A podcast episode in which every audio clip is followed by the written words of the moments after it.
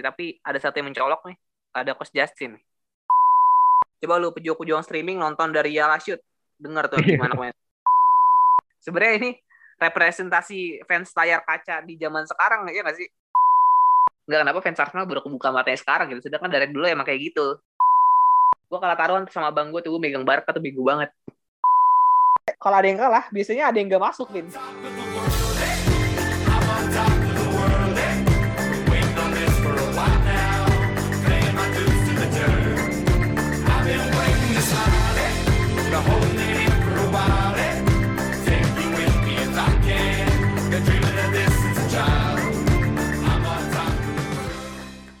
Oke, halo Edu Friends. Selamat datang di podcast Era Soccer nih. Podcast mingguan Era yang tentunya bakal ngebahas seputar sepak bola.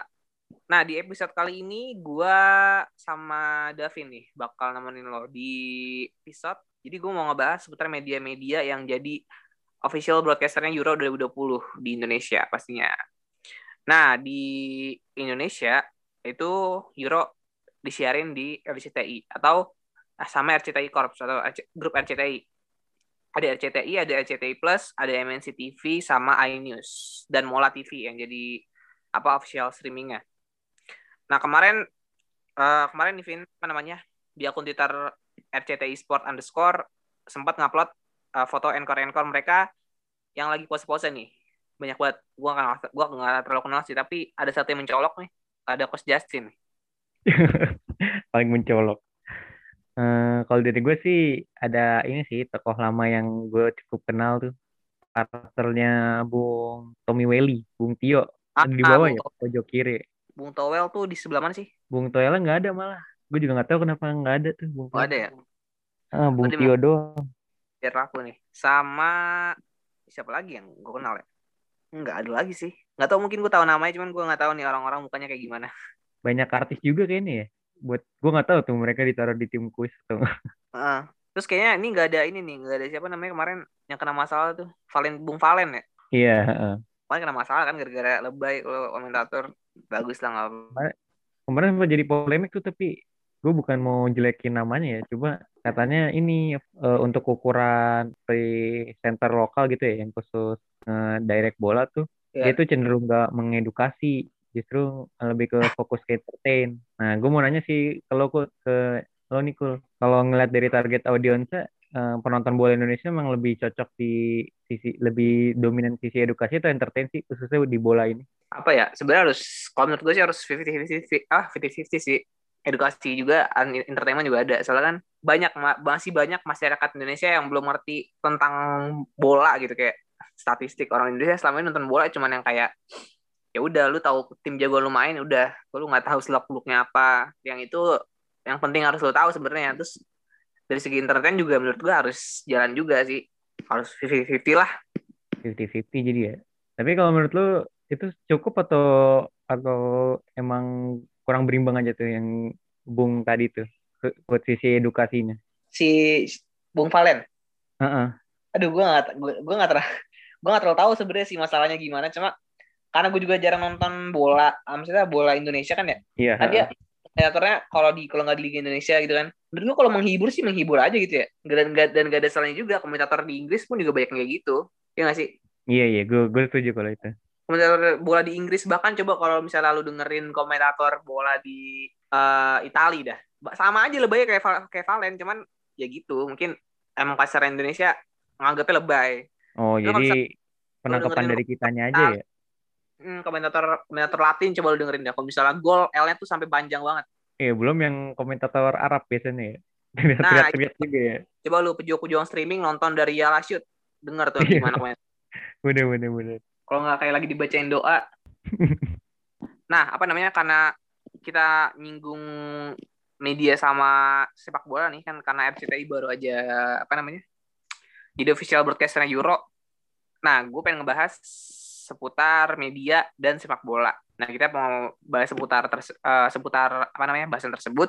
Nah, sebelumnya gue juga mau ngasih tahu nih kalau selain era soccer di RFM UNJ juga eh sebagai media uh, mau kasih konsumsi bola lewat bentuk uh, ini, bentuk apa? siaran. Ya sih? Jadi di era FM itu punya media juga. Maksudnya punya platform juga buat informasi-informasi sepak bola lewat siaran yaitu di program Bola Teli di setiap hari Jumat dari jam 3 sampai jam 5 sore. Jadi nggak lewat podcast aja, kita apa namanya punya informasi-informasi atau program konten seputar bola tapi di siaran kita juga ada. Nah ngomong-ngomong tentang siaran, Edufren tahu nggak sih siaran bola pertama kali berlangsung itu menggunakan media radio. Jujur gue juga baru ini sih, maksudnya tahu cuman baru ngeh lagi. Nah kalau lu gimana Vin? Uh, iya bener banget nih. Jadi gue kira juga pertama kali bola tuh bakal tayangnya di TV ya. Tapi ternyata yang pertama kali ditayangin tuh lewat radio, lewat suara.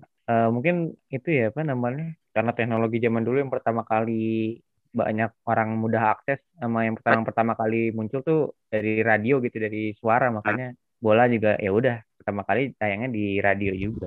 Hmm, iya benar-benar. Gue juga sempat tahu sih, maksudnya kayak di film-film kan ada tuh ya, yang kayak film-film bola gitu, terus kayak di siarannya lewat siaran film apa dulu ya? Gue lupa tuh yang sepak bola Indonesia yang dari Maluku apa namanya? Ya ada sepak bola gitu tim sepak bola dari Maluku terus di film gitu. Nah itu tuh, gue sempat lihat satu scene ada orang nyariin nyariin lewat radio gitu. Nah gue pikir itu cuma di tempat-tempat pelosok aja ternyata. Ini tuh sejarah juga apa namanya kalau siaran eh kalau misalnya siaran bola itu ternyata pertama dari radio. Gue tak gue taunya itu emang cuma di tempat-tempat pelosok doang. Nah siaran sepak bola yang lewat apa namanya radio ini ini kan pertama kali ya uh, kalau siaran bola disiaran dari radio tanggal 22 Jan 22 Januari 1927 itu jadi hari bersejarah di mana pertandingan klub terbaik di abad ini Arsenal Sheffield United disiarkan pertama kali secara wireless atau melalui media. Nah, medianya ini radio nih, pas banget. Kayak yang udah dikasih juga kan emang siaran bola pertama kali lewat radio. Dan radio BBC selaku broadcasternya. Jadi kalau belum tahu, BBC itu adalah uh, media official dari negara Inggris, ya nggak sih? Atau UK, gue nggak tahu deh. Siaran tersebut dipandu oleh dua komentator, George Allison dan mantan pemain Arsenal, Herbert Chapman. Tapi di tahun 1931, siaran bola lewat radio tuh sempat dilarang gitu, Vin. Karena penonton jadi nggak datang ke, ke stadion. Jadi kayak malas gitu gak sih? Dia udah tahu nih di radio udah ada. Sebenarnya ini representasi fans layar kaca di zaman sekarang ya nggak sih? Iya betul banget. Walaupun kalau fans layar kaca kayak lebih ke di Indonesia ya. Kalau di luar negeri tetap bakal datang ya. ke stadion sih kalau menurut gue. Iya, benar-benar. Jadi ini apa representasi orang malas nonton stadion karena udah ditayangin tuh dari dari, dari dulu ternyata dari tahun Sejak 1931 ya. Mm -mm. Bahkan orang lewat radio aja tertarik ya. Gue nggak tahu sih di zaman itu kalau misalnya gue denger radio gue bakal tertarik apa enggak. Soalnya kan itu cuma ibaji kayak mainin ibaji, imajinasi doang ya sih. Iya, iya betul banget. Kalau gue lebih puas lewat visual sih jujur. Kalau apa audio gitu kurang menurut gue. Tapi gue nggak tahu kalau di zaman itu ya. Nah, pengecualian terjadi hanya pada final Piala FA tetap disiarin sama radio BBC ah mungkin ini ini ya apa namanya kayak yang terpenting terpenting aja nih yang disiarin pas waktu itu dilarang. Nah itu kan tadi kita udah ngebahas uh, siaran bola pertama kali nih di dunia itu di Inggris tuh. Di Indonesia belum ada bukti konkret yang kebenaran yang sebenarnya itu gimana. Tapi yang diketahui terjadi pada tahun 1954. Nah, pada saat itu Indonesia bertanding lawan Jepang di ajang Asian Games di Manila, Filipina. Terus siaran radio kedua terjadi di tahun 1956 saat Indonesia menghadapi Uni Soviet di ajang Olimpiade Melbourne. Tapi kan kita dari kecil familiar sama siaran bola ya nggak sih? Betul betul banget. Di TV, di TV gitu kan. Hmm. Karena em, lebih enak juga nonton bola di yang tadi gue, gue bilang gue lebih puas kalau nontonnya visual gitu dibanding apa namanya audio. Nah dari kecil kita udah disediain kita udah di teknologi itu udah ada ya nggak sih?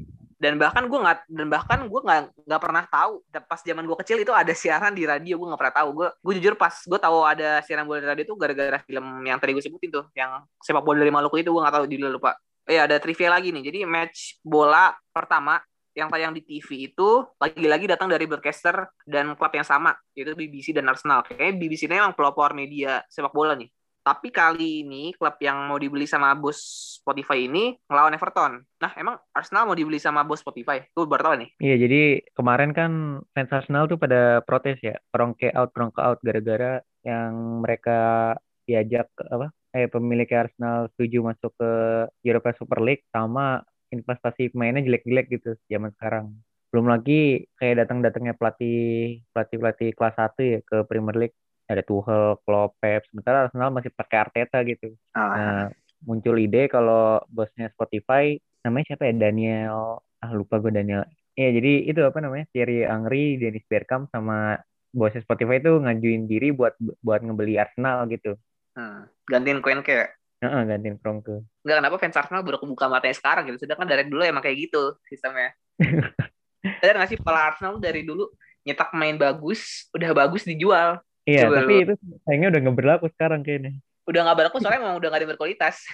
Bukayo Saka paling, Bukayo Saka masih mending.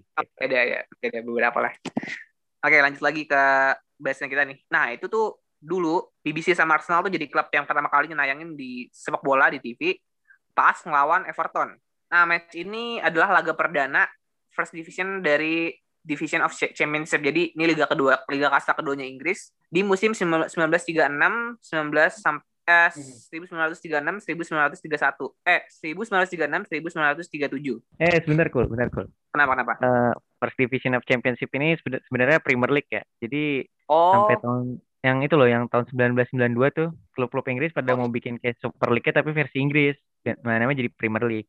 Jadi sebenarnya First Oh. Division of Championship sebenarnya tetap tetap kasta satu sih. Oh iya, soalnya gue pikir championship kan, soalnya yang gue tahu championship itu kasta kedua Liga Inggris. Iya, benar-benar. Jadi di tahun ini, apa namanya, championship itu masih kasta satu nih. Iya, betul. Oke, gue rak. Jadi match laga perdana ini adalah First Division atau kasta pertama Liga Inggris yang sekarang kita kenal sebagai EPL atau English Premier League yang terjadi di musim 1936-1937. Nah, kalau ngomongin soal nonton bola nih, Aido friend, lo pada nonton bola dulu pertama kali di channel TV apa dan match apa nih? Kalau lu apa, Vin? Pertama kali nonton bola tuh apa sih? Sama di channel apa? Match apa inget nggak lu? Eh, gue sebenarnya kurang inget banget ya. Cuma ya seingat gue tuh, gue dibangunin bapak gue pas subuh dulu nonton ini eh, Barca lawan Arsenal Liga Champion di RCTI dulu. Oh Eh, iya. Skornya berapa ya? Gue lupa 3-1 atau 2-1 gitu. Pokoknya Hmm. Van Persie kartu merah di situ, seinget gue. Oh iya benar benar benar. Yang akhir-akhirnya Arsenal menang kan? Oh enggak enggak, Barca Iya. menang ya? Iya, Barca yang lolos akhirnya. 3-1 kalau nggak salah. Leg yang satu tuh, Mbak. Arsenal menang tuh. Ah, iya, heeh. leg satunya Arsenal menang 2-1 kan. gue kalah taruhan sama abang gue tuh gue megang Barca tuh bego banget padahal emang Barca lagi jago banget waktu itu kan gue mikirnya oh jago nih Barca kalah taruhan gue sama abang gue oke itu pengalaman pertama lu nonton bola ya? Nah kalau gue sih gue nggak nggak tahu tepatnya kapan ya. Memori gue agak lupa kalau buat nonton sepak bola pertama kali. Cuman yang gue tahu tuh gue nonton bola dulu tuh seringnya kalau nggak MU ya Liga Indonesia. Liga Indonesia tuh zaman zamannya 2010-an eh 2010 ke atas tuh. Nah, kalau nggak salah juga ya, gue pertama kali apa punya semangat nonton bola tuh gara-gara Piala AFF 2010. Tahu nggak lo? Oh iya, itu gue nonton tuh sampai sampai sampai semuanya tuh gue tonton tuh. Soalnya itu atmosfernya bener-bener kayak ini gak sih? Kayak lu nonton AFF nih, nonton AFF. Lu kak gue jalan nih ke Alfamart di dekat rumah gue, itu tuh pada di rumah-rumah sendiri gitu pada nonton, pada teriak-teriak. Bahkan gue pernah gue pernah tahu ada gol dari gue lewat rumah orang. Soalnya orang itu teriak Indonesia gol. Gila. Jadi pas antusias sekali ya. Gue mau buktiin oh iya bener gol tadi berarti di jalan gue dengar orang teriak gol Indonesia nih. Sampai kayak gitu atmosfernya. Kayaknya itu sih mulai dari situ gue nonton jadi nonton bola terus tuh nonton Liga Inggris. Itu waktu itu strikernya masih Gonzales sama Irfan Bahdim ya? masih Gonzales Ivan Badim Oktomaniani itu gue inget banget. Oh iya, iya Kayaknya- gue ingat. squad AFF Indonesia tuh gue kalau nggak salah gue apal semua sih dari striker sampai back sama kiper. Coba nih kalau nggak salah ya gue sebutin dari kiper ya. Itu kipernya Marcus Horizon ya nggak sih inget tuh Iya, kiper Marcos, kiper Marcos. Terus yang pernah apa namanya pernah kawin sama siapa Kiki Amelia ya Iya, akhirnya Amelia. gue ngikutin lagi. Terus backnya itu Hamka Hamzah sama Maman Abdurrahman. Iya, back tengahnya ya dua itu. Ya kan? Yang Hamka sempat blunder tuh lawan Malaysia yang akhirnya pernah jadi apa namanya sorotan pas di pengaturan skor tahun berapa tuh? Oh iya, dua tahun lalu ya, tiga tahun lalu, tiga tahun lalu. Heeh, sempat dibahas ah, Hamka Hamzah ikut peraturan skor nih. Padahal menurut gue mah itu memang blunder. Terus back kanannya itu ada Muhammad Nasuha kalau nggak salah. Eh, Zulkifli Syukur tuh back kanan atau back kiri berarti? ya? Skor itu back kiri. Oh, Zulkifli Syukur back kiri. Oh iya, berarti saya back kanan. M Nasuha back kanan, eh, back kirinya Zul- Zulkifli Syukur, gue inget tuh. Oh iya, Terus- Nasuha golin ya di final ya, Nasuha- yang kedua ya. Iya benar, Nasuha golin. Terus di gelandang tuh ada Ahmad Bustomi, kalau lu ingat, Eh, iya, gue ingat tuh Tommy. Heeh. yang sekarang gue gak tahu main di mana. Sama siapa lagi ya? Kalau gelandang gue kurang tahu, cuman El- Egi Melgiansah kayaknya ada deh, Egi Melgiansah. Tapi gue gak tahu dia reguler atau enggak ya. Yang gue ingat malah Ada. ini si itu gelandangnya Sriwijaya, Gelandang Firman Sriwi- Utina. Ah iya. Firman- masih main tuh, masih main. Kayak kayaknya itu apa namanya laga internasional terakhir gue gak tahu juga. Soalnya waktu itu dia udah senior kan. Firman Iya, ya masih main. banget itu. Hmm. Yang udah nggak ada tuh waktu itu Panaria Taman. Ingat gue nggak ada. Tapi dia masih main di Sriwijaya ya penerima sama nih. Kayaknya Iya, masih kayaknya- di Sriwijaya. Nah, waktu itu mungkin udah nggak di match Indonesia udah nggak main. Cuma Iya, ingat udah dipanggil. Iya, waktu itu ya benar. Nah, habis itu di back eh, di sayap kiri gue inget itu Octavianus Maniani. Tau gak lo? Iya, gue inget banget waktu. Gue inget banget umpan kontroversial eh umpan yang sangat gue inget tuh yang pas dia ini si apa namanya? Umpan ke Irfan Bahdim tau gak sih lo yang tendangannya nungkik banget tuh. Itu yang lawan Laos atau yang lawan Malaysia ya BTW? Itu Malaysia kayaknya deh. Oh iya ya, gue yang 5-1 ya yang gol terakhir 5-1. Bahdim itu. Pas satu bener. Itu keren banget tuh Nah. asisnya tuh. Ah bener. Itu makanya yang gue inget tuh asis uh, Octavianus Maniani tuh yang pas itu tuh match itu tuh yang gue gak bisa lupa. Nah terus Indonesia kan pakai formasi 4-4-2 waktu itu ya kalau nggak salah ya. Iya, heeh. Nah yang sayap kanan ini gue udah gue agak lupa nih siapa dah. Ingat gak? bentar. Soalnya gue gue tuh dulu nonton Liga Indonesia gue suka Sriwijaya. Ingat gue sih Hmm. Arif Suyono. Cuma gue gak tahu Arif Suyono tuh main di Iya. posisinya Okto atau enggak. Arif Surono kayaknya main, cuman dia nggak squad inti kalau nggak salah ya. Iya, nggak reguler Yang kayaknya. tahu, ya. yang gue tahu strikernya itu kan dua, itu Irfan, udah pasti Irfan Badim sama Christian Gonzalez. Heeh. Yang sayap kanannya gue agak lupa. Nah kurang lebih gitu sih squad Indonesia yang gue tahu.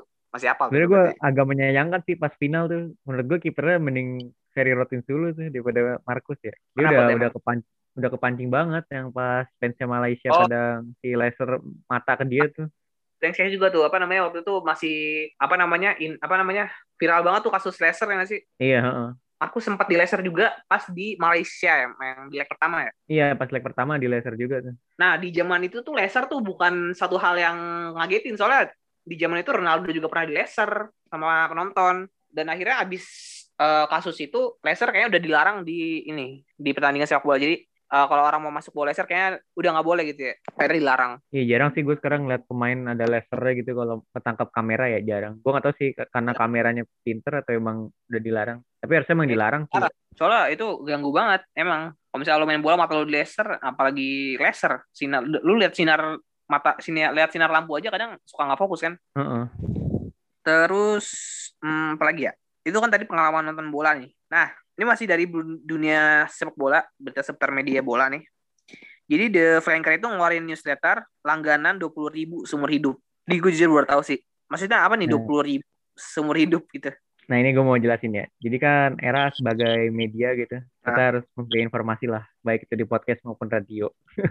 nah jadi eh, apa ya media-media bola yang gede gitu di Twitter, kayak salah satunya The Flanker tuh dia mulai ngebikin konten dengan ngeluarin newsletter. Jadi itu tuh kayak mungkin kita nggak sempet ngerasain ya, atau kita sempet ngerasain cuma masih terlalu kecil gitu. Dulu banyak orang katanya langganan majalah bola kayak tabloid bola atau apa. Ah iya. Nah iya ini sistemnya sama kayak gitu cuma e-news gitu loh. Jadi kita dikirim ke email eh, beritanya. Cuma buat Tapi langganan. 20.000 ribu seumur hidup. Iya langganannya dua puluh ribu seumur hidup atau sampai The Flanker itu bubar. Hmm, oke. Jadi itu kayak gue jelasin nih kayak Edufan kalau misalnya lo nggak ngerti.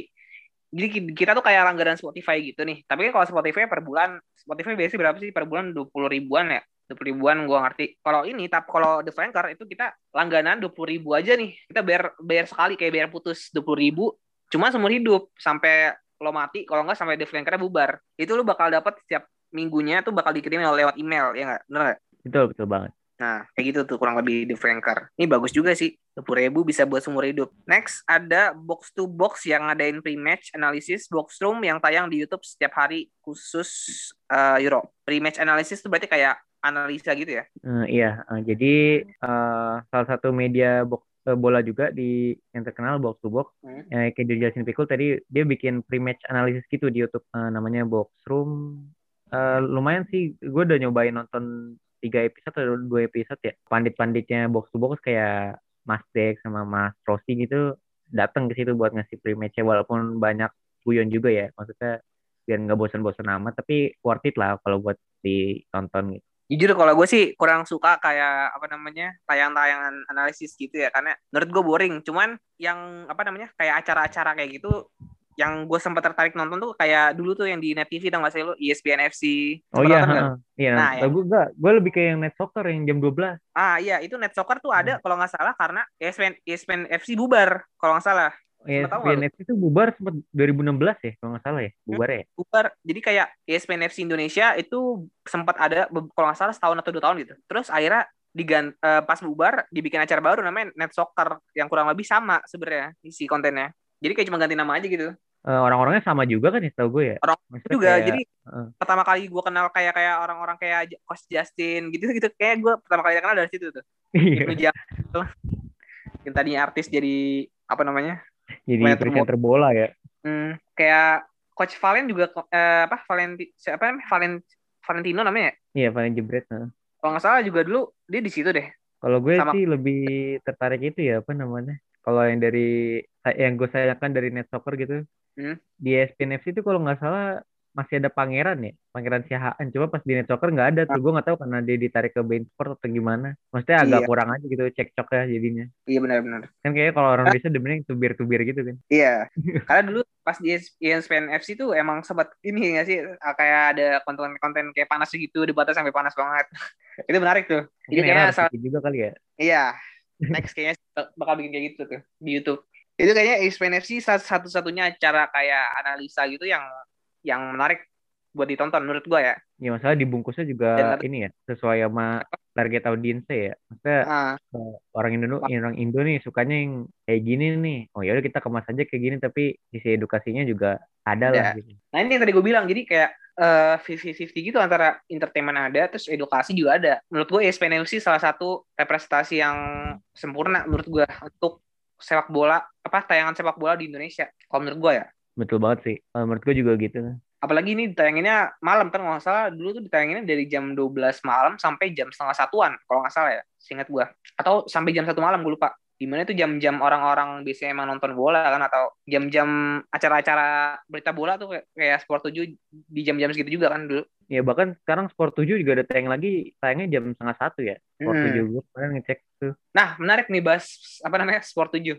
Sport 7 kalau ada yang belum tahu nih, Edufriend, Edufriend belum tahu. Jadi Sport 7 itu kayak berita-berita sepak bola gitu, acara berita-berita sepak bola. Tapi menurut gua ini tayangannya tuh jam tayang nggak pernah nggak pernah ini nggak sih nggak pernah tetap gitu. Lu pernah ngerasain nggak sih? Kadang iya, pagi, tetap emang. Kadang malam-malam. Waktu itu gua sempat nonton Sport, Sport 7 tuh kayak malam itu jam 1, jam 2, terus pagi juga pernah. Lu pernah ini gak sih? Pernah ngikutin Sport 7 gak sih? Uh, iya, gue ngikutin Sport 7, terus Lensa Olahraga juga dulu di Antv jam lima. Bedanya kalau lensa olahraga kan uh, kayak ini kan kayak daily gitu. Misalnya pagi doang tuh dia biasanya tuh. Oh iya kalau lensa olahraga emang rutin. Apa? Biasanya tuh gue mau nonton SpongeBob bapak gue nyetel lensa olahraga dulu. Apalagi sport 7 biasanya kan? Pagi itu biasanya juga ada kan iya sport 7 pagi juga ada nah iya ini yang yang menarik tuh sport 7 kadang-kadang malam kadang-kadang pagi jadi dia emang ngantep itu mungkin karena ini kali ya gua, yang sebenarnya gue kangen itu sih cool apa namanya yang Sabtu Minggu yang weekend Kayak One Stop Football. football. Uh, uh, One Stop Football. Total Football juga ya dulu ya, Antv-nya. Total Football, ya. Total Football tuh Antv. Jadi dia sama lensa olahraga bareng tuh. Cuma bedanya kalau lensa olahraga kan yang daily tuh kalau Total Football di akhir pekannya tuh, kalau nggak salah. Jadi sayanginnya tuh kalau akhir pekan biasanya siang-siang ya ditayanginnya. Dari jam berapa ya? Dari jam ya. 2 biasanya tuh. Iya, dari jam 2. Biasanya tuh acara cepat kalau nggak sejam, setengah jam. Padahal menarik sih menurut gua acaranya. One Stop Football. Yang di, yang di yang bareng sama One Stop Football sama Sport 7 itu apa ya yang versi Indonesia nih? Kayaknya ada ya? Eh, uh, apa ya? Gue lupa iya, banget. Biasanya tahu gue lupa namanya. Iya, iya, iya. Yang berita pokoknya khusus-khusus sepak bola Indonesia gitu ya? Iya, Aduh, gue lupa namanya lagi. Gue tapi gue tahu itu ada. Gue tahu. Cuman gue lupa namanya. Lo ada presenter itu gak sih? Cool. Presenter Apa? crush lo gitu. Presenter crush. Kan biasanya yang cakep-cakep kan nih kalau misalnya yang ini. Iya benar. Nah, salah satu yang menarik itu kayak Terry Putri, ya gak sih? Iya, Terry Putri legend banget tuh legend. Yang gue tahu sih itu, yang gue inget itu doang. Dulu ada juga siapa namanya? Yang sering di TV juga. Asifa Latif. Asifa Latif. Cantik banget ya. Cantik banget sih. Lu masih kecil nonton bola terus presenternya cantik lagi gimana nggak gimana nggak ini, gimana nggak antusias nggak sih? Iya benar. Sama ini satu lagi yang gue inget tuh uh, Concita Caroline juga. Ah iya benar-benar. Ya gue inget nama-namanya cuman ada beberapa yang lupa. Oke yang singet yang memori gue masih ini Terry Putri sih. Sering banget soalnya di Sport 7. Kayaknya the best banget ya. Apa? Periode-periode gitu ya. Ah, yang di mana sekarang kita nggak bakal nemuin lagi di TV. Gue nggak tahu masih ada atau enggak. Cuman karena gue sendiri juga udah nggak pernah nonton TV ya. Kayaknya udah nggak ada lagi deh. Iya, gue juga ada jarang nemu sih. Paling kalau yang beberapa di TV uh, eh, apa ya namanya ya? Kalau sebutannya kalau yang uh, berbayar tuh apa sih TV-TV kayak gitu tuh? Ah, streaming ya? Iya, yang kayak uh, Champions TV gitu di Next Parabola. Kayaknya sih masih. Cuma gue gue jarang ngeliat juga sih kalau acara-acara kayak gitu. Hmm. Iya benar-benar. Sama ada satu lagi nih gue lupa. Kalau nggak salah ini di TV One ya, namanya Kabar Arena, tau nggak lo? Oh iya, gue inget, gue inget. Itu biasanya habis tinju ya pagi-pagi ya? Ah, kalau enggak, Kabar Arena tuh justru malam, jam sekitar gua- jam 10-an gitu. Nggak semalam Oh, nggak tahu. Sampai pukul 7. Ah, gue Dia tahu, gue nggak tahu. Jam 10 sampai jam 11 kalau malam. Cuman kalau si Minggu mungkin ada yang tadi lo bilang tuh jam tayangnya ya habis tinju tuh biasanya. Oh, itu, itu berarti rerunnya biasanya ya? Minggu ya? Nah, nah itu gue sempat terinspirasi juga tuh kayak di kabar arena gue nontonin terus berita-beritanya juga seru sih soalnya dia nggak sepak bola doang jadi kalau nonton kabar arena gue tahu tuh kayak kabar-kabar dari apa namanya hasil-hasil pertandingan basket terus apa lagi ya tinju-tinju gitu balap karena kalau lu nonton masuk football itu bahasanya kayak seputar bola doang kan Iya, mantap. Gue seputar bola. Hmm, di mana di pada saat itu apa namanya anak-anak kecil zaman itu tuh lu nggak bisa ngakses lagi tuh hasil pertandingan sepak bola dari mana lagi nggak ada kayak terbatas itu ya nggak sih kayak jadi lu Iya. dari TV doang nih ngandelin nih dulu tuh nggak ada internet maksudnya internet ada cuman dari untuk anak seumur kita pada saat itu mungkin susah ngaksesnya nggak sih Iya, iya. Gue inget banget. Gitu. Mungkin kalau anak zaman dulu mau akses internet aja harus datang ke warnet dulu ya. Kalau nggak punya Ah. komputer. nah TV tuh jadi salah satu apa ya apa namanya informasi utama lah yang lo harus dengerin gitu kalau nggak mau ketinggalan jadi kayak dulu sangat antusias banget kita nonton nonton acara-acara bola gitu nggak sih Mungkin itu jadi penyebab juga ya, apa namanya, gimana sekarang eh, TV-TV tuh udah males banget nyariin berita-berita kayak gitu. Soalnya orang udah bisa nyari sendiri di internet Mm-mm. ada, bahkan di YouTube tuh sekarang ada ya di YouTube tuh. iya Kayak gue ngeliat tuh ada ada orang bikin YouTube channel berita-berita dari klub-klub yang terperinci gitu, misalnya Manchester City ini ada YouTube-nya berita Manchester City, nggak perlu nunggu lagi di TV kayak acara-acara yang itu. Nah, iya bener. Mungkin itu salah satu eh, apa namanya yang mengurangi esensi kita nonton bola juga ya. Eh, maksudnya nonton berita bola. Karena di sekarang pun kita nyari di Google juga pasti bakal ada. Lu cari hasil pertandingan selama seminggu ke belakang udah pasti ada tuh. Kalau dulu kita harus bener-bener nungguin tuh One Football. Iya nggak sih? Iya bahkan dulu sampai highlight aja gue pagi-pagi mau berangkat sekolah tuh nonton dulu tuh di ini Hmm. di Biar lu bisa bahas- biar lu bisa punya bahasan di sekolah dulu tuh. Iya, bisa buat jadi buatan di sekolah, bisa buat bahan cengan di sekolah kan.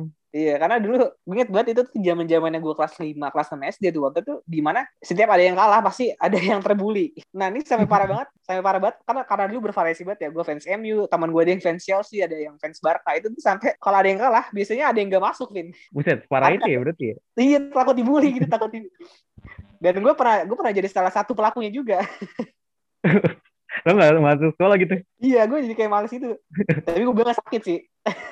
Oh, Sampai emang itu. zaman, tapi emang zaman itu parah banget sih. Maksudnya Heeh.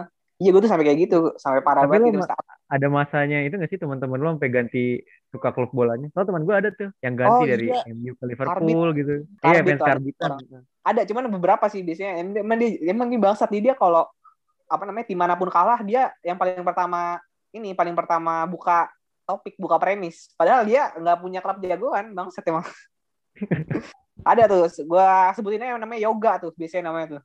D- tapi dia paling sering biasanya nyamar jadi fans Chelsea. Karena waktu itu lagi menang-menang ya kan Chelsea kan Champions. Gue inget banget tuh. Terus juga apa namanya dari hype yang nonton bola di media maksudnya kayak acara-acara bola tadi yang disebutin akhirnya jadi ke bawah tuh. Dulu tuh hype banget tuh bola kan ya zaman zaman gue SD masih pada interest banget sama bola main futsal lah main bola. Itu sampai beli kartu ini tau gak sih Vin? Jadi dulu ada kartu gitu. Isinya tuh kayak squad squad sepak bola gitu. Oh iya iya, gue inget. Gue nggak pernah ngoleksi. Cuma teman gue ada tuh yang kerjanya kalau misalnya setiap pulang sekolah jajannya ini apa namanya beli beli pack-pack kartu itu kan. ah benar-benar. Nah gue tuh juga salah satu orang yang apa namanya termakan sama apa namanya bisnis gituan ya akhirnya gue juga sama teman-teman gue akhirnya juga main gituan tuh. Nah gue inget banget tuh kartu yang paling laku tuh dulu Borussia Dortmund. Gak tau kenapa dah. Karena mungkin lagi juara Bundesliga atau gimana gue lupa. Oh iya itu emang zaman zamannya dia juara sama klub ya, akhirnya ya? Ngalahin do, Ah. apa? Ngalahin dominasinya di Kagawa siapa lagi ya? Lewandowski Reus tapi sampai sekarang juga masih ada. Godze gitu-gitu sih seingat gue kalau dulu sih sistemnya gue dapet nih misalnya tim bola yang gue gue nggak pengen misalnya gue dapet Barca kan najis banget nih. Pasti gue minta tukeran sama teman gue yang fans Barca kalau nggak minta dibayarin gitu bayarin nih kartu gue karena ya gue pengen Malaysia MU doang pasti pada saat itu dan nggak tahu kenapa yang tadi gue bilang tuh yang paling laris yang paling sering keluar tuh Dortmund gitu yang dulu untuk ukuran anak segue gitu anak SD gue nggak tahu belum tahu belum begitu tahu ada klub namanya Borussia Dortmund Kayaknya Aneh tuh ini ya apa namanya? Kalau zaman sekarang mungkin dianggapnya indie kali. Di- Dianggap Iya, klub nah. indie gitu, klub yang apa ya?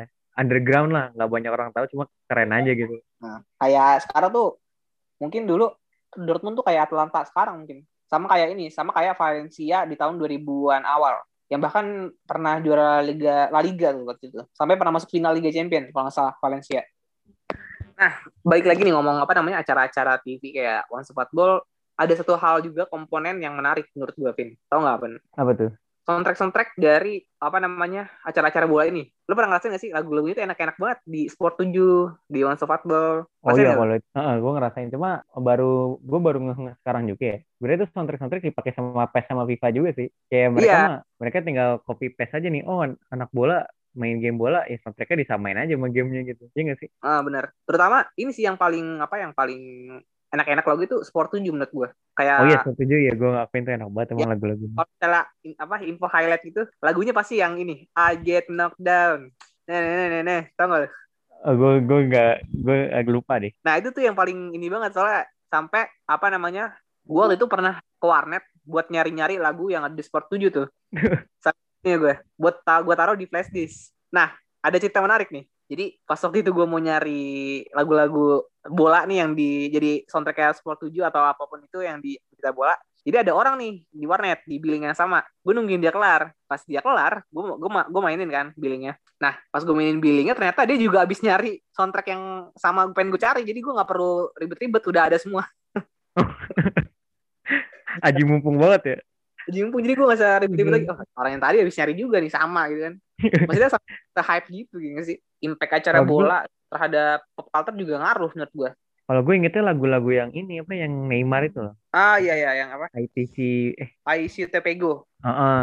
Terus sama uh. yang lagunya ini Imagine Dragon kayak sampai sekarang masih dipakai deh yang. Yang On Top nah, of the World. Nah, nah, nah, nah, nah. Eh, itu ya On Top of the World loh. Itu legend banget lagu itu kalau buat acara-acara bola. Kalau gue sih ya itu yang tadi yang apa yang highlight info highlightnya Sport 7 pasti dia pakai lagu itu apa namanya? Judulnya tuh kalau salah tap tam tapping gitu kalau dari Cumba Wamba kalau nggak judul ya kalau nggak salah. Itu tuh yang jadi ini banget yang maksudnya kalau di tongkrongan gue SD tuh pasti dinyanyiin tuh. Persis sama lagunya gue inget banget dulu tuh kalau Monster Football tuh opening kan ada lagu ya? Itu tuh lagunya Linkin Park ternyata gue baru tahu juga. Judulnya apa gitu gue lupa. Yang apa gitu gue gue pakai salah satunya lagi Linkin Park gue inget banget tuh. Kalau gue nah, Linkin Park terakhir inget yang Linkin Park itu tuh adanya di soundtrack P kalau gue inget apa tuh? Gue, lupa juga judul lagunya gimana ya? kalau nggak salah sih 2018 lah ada soundtracknya. Nah, kalau nggak salah apa judulnya? Fan eh, bukan Fan. Aduh gue lupa lu juga lagi. Pokoknya itulah ada Linkin Park pokoknya album album pertama Linkin Park atau kedua gitu yang high yang high album Hybrid Theory apa. Oke ada salah satu juga lagu Linkin Park yang enak menurut gue di opening uh, One Stop Football tuh. Apa namanya dari acara-acara olahraga di TV kita akhirnya jadi nerapin di kehidupan sehari-hari gitu sampai segitu impactnya. Sampai lagu lah sampai pembahasan kita bawa tuh ke sekolah waktu itu dulu. Sampai gue sempat gak masuk gara-gara takut dibully gara-gara Emi kalah kalau ada cerita menarik gak Vin? Kayak gue gitu.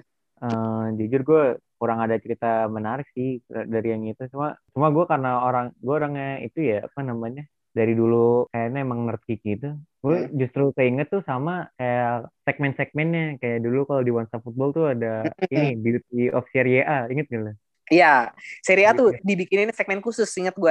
Ah, dibikin segmen khusus tuh Beauty of Serie A tuh, karena gue apa namanya jadi agak maksudnya ke jam ke gue sekarang ya, gue sempet, sempet ada masanya gue nggak suka bola lah, ada pas SMA gitu.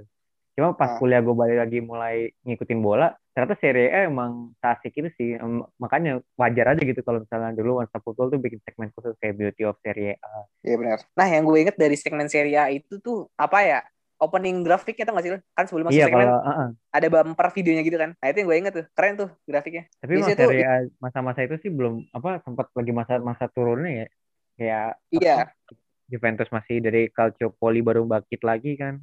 Terus nah. Inter, Inter malah nurun habis sama Mourinho di Champions terus Milan malah naik eh, waktu itu kalau nggak salah. Iya Milan sempat. gara-gara uh, Ibra. Juara tuh.